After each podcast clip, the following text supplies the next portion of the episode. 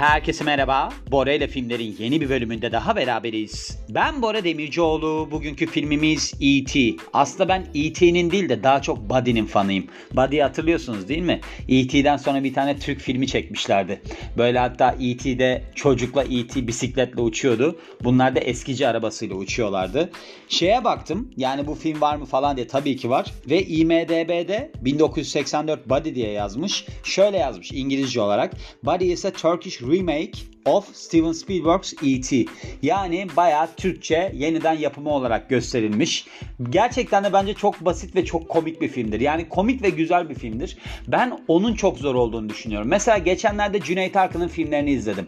Bu işte Vahşi Kanı falan. Yani filmler çok basit, komik ama çok da sıkıcı aynı zamanda. Bir de süreleri de çok kısa. Yani onu koruyabilmek de önemli. Çok böyle komik bir film yapabilirsiniz ama acayip de sıkıcı olabilir. Yani komik derken aslında trajikomik oluyor tabii ki bütçesizlikten dolayı. Mesela şey de çok sıkıcı bir filmdir. Dünyayı Kurtaran Adam. Yani o da komik tamam böyle peluş hayvanlarla falan dövüşüyor. İşte o uzay gemisi sahneleri falan komik ama yani genel olarak izlemesi çok zor bir film. Çünkü bence senaryosu da çok kötü. Bir de genel olarak da çok sıkıcı. Ama Buddy'miz öyle miydi? Hayır tabii ki değildi diyerek E.T.'ye geçiyoruz. Şimdi E.T. için 1982 yapımı bilim kurgu filmi olarak yazmış burada Wikipedia'da. Bir de Wikipedia'da şeyi fark ettim. Mesela ben şimdi burada Ranker'dan gideceğim. Ranker'da yazan şeyleri aslında Wikipedia'da bulabiliyorsunuz. Yani genel olarak. Türk'ünde bulamıyorsunuz ama İngilizcesinde bulabiliyorsunuz. Şimdi bu film aslında Steven Spielberg'ün anne babası boşandıktan sonra bir yalnız hissetmiş kendini ve hayali bir arkadaş yaratmış. Onun üzerine kuruluymuş. Yani bunu hiç bilmiyordum. Mesela şeyde bunu gördüm ben. Hani bu Ranker'daki kamera arkası gerçeklerde. Sonra işte Wikipedia'dan genel olarak bakıyorum ya. Orada da baktığımda aa baktım orada da yazıyormuş yani. Bir de şey ilginçmiş. Mesela bu öyle bir proje tasarlamışlar. Yani birazdan aktaracağım zaten size. Steven Spielberg'de işte bu senaryo yazarı olan Melissa Matheson. İkisi bu projeyi tasarlıyorlar.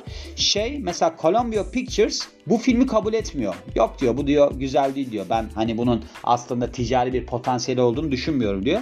Sonra Universal Pictures 1 milyon dolara satın alıyor senaryoyu. Mesela bunlar Ranker'da yok burada var. Oradan aktarıyorum yani.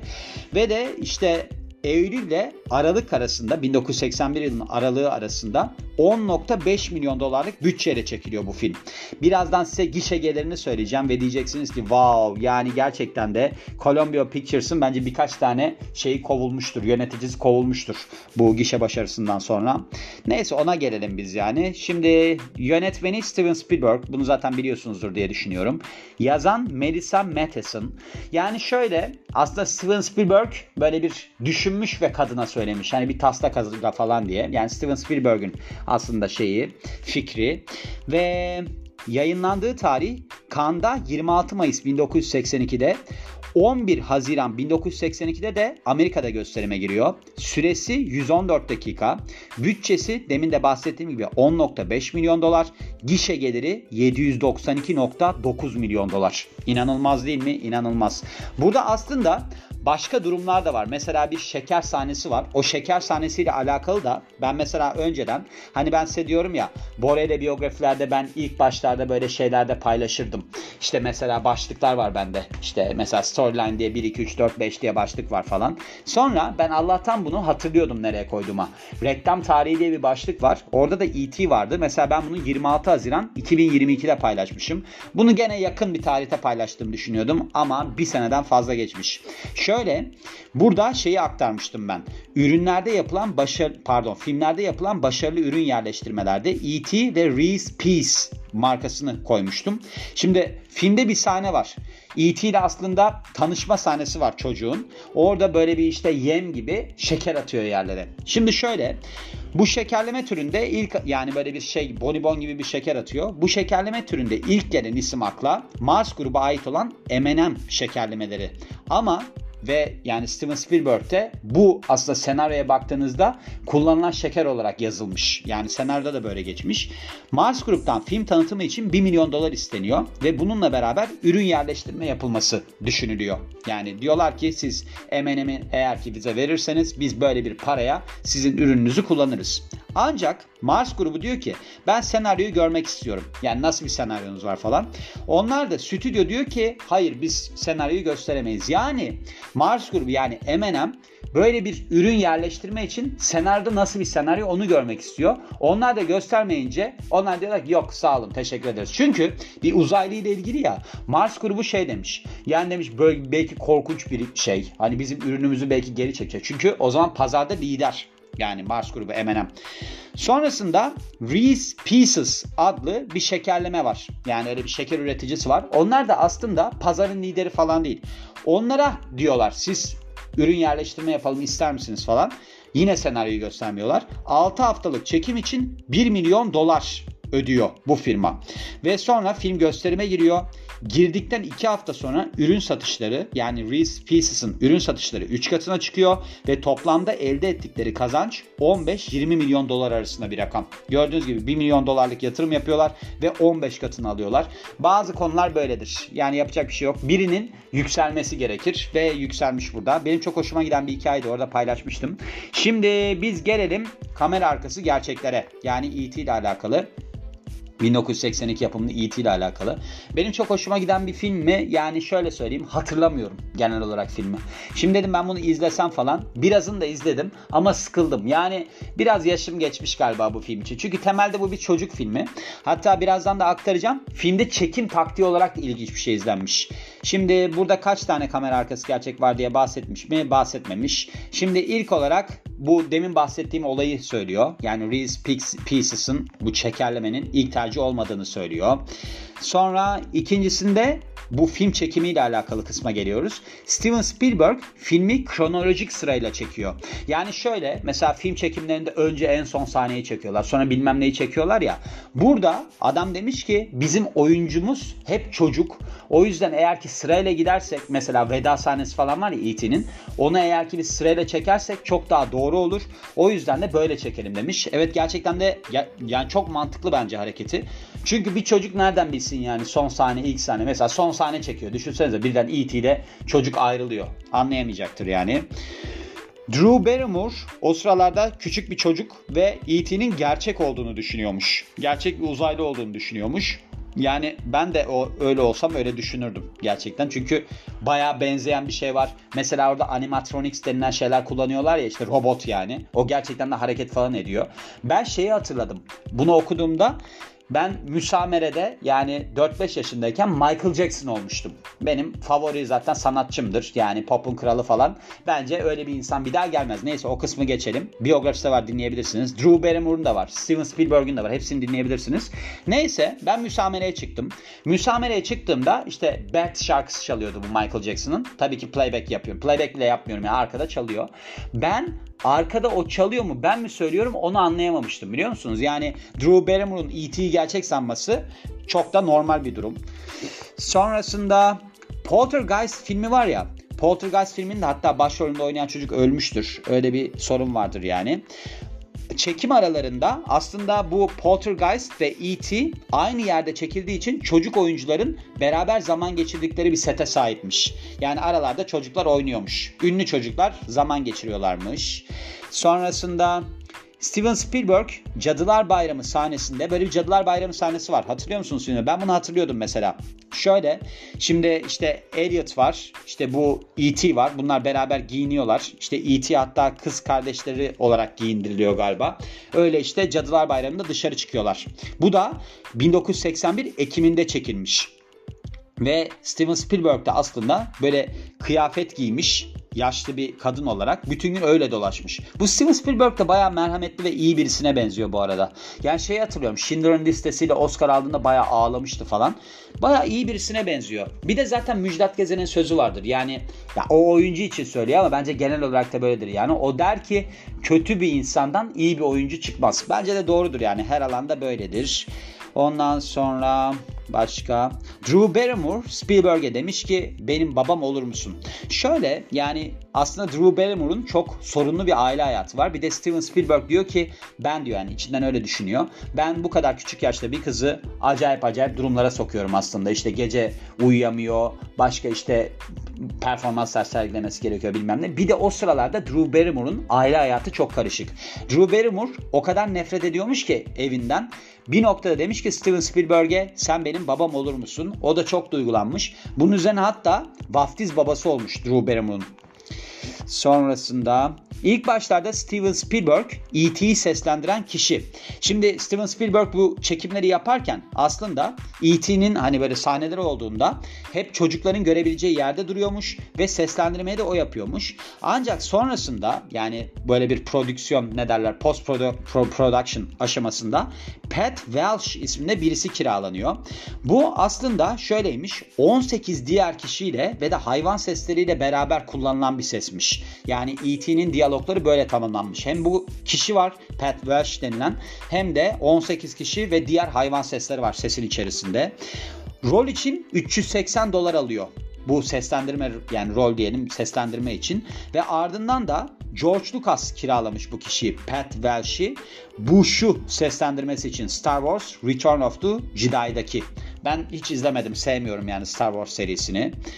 Henry Thomas aslında seçme sırasında şey yapıyor. Acayip etkileyici bir performans sergiliyor. Henry Thomas Elliot rolünü almak için çok büyük bir performans sergilemiş. Şöyle olmuş aslında.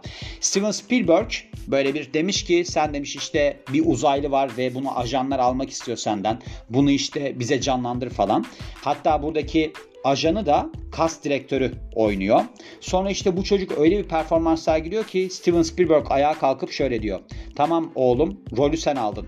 Hatta şöyleymiş demiş ki bu çocuk yani Henry Thomas ben demiş buradaki oyunculuğumu köpeğime borçluyum. Chihuahua diye bir köpeği varmış. Adı da Urso'ymuş ve komşunun köpeğinin bu köpeğine saldırmasından sonra, ölmesinden sonra etkilenmiş ve bu rolde aslında onu düşünerek oynamış. Bu çok önemli bir şeydir. Mesela duygusal çağrışım yani bir konuda ama bu çocuk bunu yapabilmiş yani herkes yapamaz. Hep şeyler der, derlerdi bize yani konservatuvarda. İşte siz eğer ki yaşadığınız trajik bir olay varsa onu hemen geçirin ve işte eğer ki hızlı şekilde çevir, çevirebilirseniz yani çağırabilirseniz bu duyguyu çok başarılı olursunuz diye. Bazıları böyle acayip ağlardı falan. Hatta Böyle son zamanlarda gördüğüm birkaç tane oyuncu var. Bir tanesi çok başarılıydı hatta. Biraz da olaylı birisiydi şimdi adını vermeyeceğim. O mesela çok iyi ağlardı. Çünkü çok problemli bir aile hayatı vardı.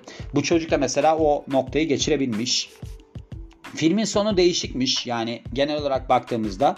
Yani böyle şey değilmiş. Hani böyle bir Elliot'ın uzaylıya böyle bir veda etmesinden ibaret değilmiş. Hala irtibatta kaldığını gösteriyormuş filmin sonu. Yani öyle düşünülmüş. Sonradan değiştirmişler. Demişler ki yani burada hani bu çok etkileyici olmuyor. Biz bunun sonunu böyle yapalım. Hani vedalaşsın. Yani iletişimde kalmasın. Sonrasında Harrison Ford aslında filmde bir rolde yer alıyor. Ama sonrasında çıkarıyorlar bu sahneyi.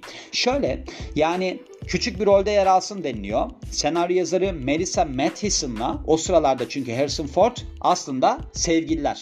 O yüzden de yer vermek istiyorlar. Ve bir tane sahne varmış filmde ya onu hatırlayamıyorum ben. Şöyle oluyor. Elliot aslında böyle bir biyoloji dersinde işte kurbağaları serbest bırakıyor falan öyle bir sahnesi varmış. Sonrasında da işte müdürün odasına gönderiliyormuş. Buradaki müdür Harrison Ford'muş. Fakat Harrison Ford ondan sonra işte bu Star Wars'la Raiders of the Lost Ark filmleriyle falan bayağı yıldız oluyor. Ve Steven Spielberg diyor ki ya bu adamı şimdi ben müdür rolünde oynatırsam insanların dikkati ona kayar. O yüzden de aslında orada müdür rolünde oynayan oymuş ama görünmüyormuş. Yani öyle bir durum varmış çıkarmışlar filmden. Ben de şöyle düşündüm aslında ilk başta okuduğumda. Harrison Ford kendisi çıkmak istedi herhalde filmden diye. Hayır öyle değilmiş. Bu arada biliyorsunuz yani Star Wars'ta yer almasını da Harrison Ford kendisi sağlamıştır. Biyografisi var dinleyebilirsiniz. George Lucas'ın biyografisi de var dinleyebilirsiniz. Şöyle marangoz bu adam normalde ve böyle strateji geliştiriyor yani ben bu adamla nasıl tanışırım bir daha diye. Çünkü öncesinde bir tane filminde oynamış. American Graffiti filminde oynamış galiba George Lucas'ın Harrison Ford. Ondan sonra tekrar bir araya gelebilmek için bu stüdyonun kapı yapılarının yapımı için gitmiş. O sırada konuşmuş tekrar George Lucas'la ve seçmelere öyle katılmış Star Wars'ta. Öyle ilginç bir hikayesi vardır dinleyebilirsiniz yani. Ondan sonra bu hani ayın önünden geçtikleri bisikletle bir sahne var ya o temelde kuklalar yardımıyla yapılıyor. Yani gerçekten de öyle bir çekim yok. O sıralarda işte böyle bir mavi ekranın önünde kuklalar falan kullanılmış. Öyle bir yerleştirme yapılmış. Yani şimdi burada detay veriyor. Detayı aktaramayacağım çünkü ben de anlamadım yani ne olduğunu. Raiders of the Lost Ark filmi çekilirken Steven Spielberg'ün kendini yalnız hissetmesine dayanıyor bu film. Başına da bahsetmiştim. Aslında Steven Spielberg'ün kardeşleriyle böyle bir değişik ilişkisi var. Yani sorunlu bir ilişkisi var. Bir de anne babası küçük yaşta ayrıldığı için yani ondan dolayı da hep böyle bir hüzünlü Steven Spielberg. Bir de bir noktada işte bu şeyi çekerken, filmi çekerken yani Raiders of the Lost Ark'ı çekerken çöle çıkıyor Steven Spielberg ve işte oradaki şeyleri böyle bir deniz kabuklarını falan topluyor. Çünkü önceden bu çöl bir okyanusmuş. Ve sonrasında demiş ki ben kendi hissettiğim bu yalnızlık duygusunu bir filme nasıl aktarabilirim? Ve 2-3 gün boyunca bunun üzerine düşünmüş. İşte sonrasında demiş ki Melissa Mathison'a o sıralarda Harrison Ford'un kız arkadaşına ben demiş böyle bir şey düşündüm. Bununla ilgili bir taslak yazabilir misin? Yani böyle bir şey yapalım biz. E.T.'nin projenin aslında başlangıcı böyle çıkıyor yani ortaya. Ve sonrasında başka bir şey var mı diye bakıyoruz. 3 tane aktör E.T.'nin kostümünü giyiyor. Bunlardan bir tanesi ellerin üzerinde bu kostümün içerisinde olmuş. 12 yaşında bir çocukmuş. Hatta şöyle yani bacakları olmadan dünyaya gelen bir çocuk. Matthew Demerit adında 12 yaşında. Bu çocukla Steven Spielberg UCLA tıp merkezinde tanışıyor. Burada şey var ayakları olmadığı için ellerin üzerinde yürüme durumu oluyor bu çocuğun. Yani kıyafet ona göre tasarlanıyor ve bazı sahnelerde ki bunların arasında mesela şey var. Mutfakta bir zehirlenme sahnesi varmış. Yüzün üzerine düştüğü bir sahneymiş. Orada işte ters durduğu için amuda kalkmış vaziyette durduğu için sorun çıkmayacağını düşünmüşler ve o sahneyi bu çocukla çekmişler. Sonrasında işte başka şeyler de gelmiş. Oyuncular da gelmiş. Çünkü bu çocuk için çok zorlayıcı olduğunu düşünmüşler. İki tane daha çocuk varmış yani. Ve böylece işte çekimler tamamlanmış. Hatta çok zorlu çekimlermiş. Sürekli öyle bir plastik şeyin içerisinde oldukları için. Yani yüzü bunun animatronics. Hani bu E.T.'nin yüzü animatronics ama içerisindeki çocuklar işte kollarını bacaklarını oynatıyor falan öyle bir durum var. O yüzden de 3 tane temelde farklı kişi canlandırmış yani. Sonrasında kukla artisti oynuyor. Bu yemek sahnesi falan varmış E.T.'nin. Orada bir kukla artisti canlandırmış. Yani kuklalarda da şöyle oluyor. Ellerini geçiriyorlar. Ondan sonra bir, bir ne derler böyle monitörden falan hareketler nasıl yapılıyor diye bakıyorlar. Öyle bir durumu varmış yani. Öyle şeyler yapılmış. Hatta profesyonel bir kişiymiş bu. Caprice Roth adında. Yani el ve kol hareketlerini canlandıran kişi böyle birisi. Sonrasında bu ilginç geldi bana. Aslında bu filmin bir devam filmi olacakmış. E.T. 2 Nocturnal Fears adında. Yani bu senaryonun tretmanı yazılmış ilk filmin devamı niteliğinde. Hatta şöyle işte bu Elliot ve arkadaşları E.T. böyle bir mutasyona uğramış ırk tarafından yani uzaylı bir ırk tarafından kaçırılıyor ve böyle bir şeytani karakter var yani burada uzaylı. Adı da Corel.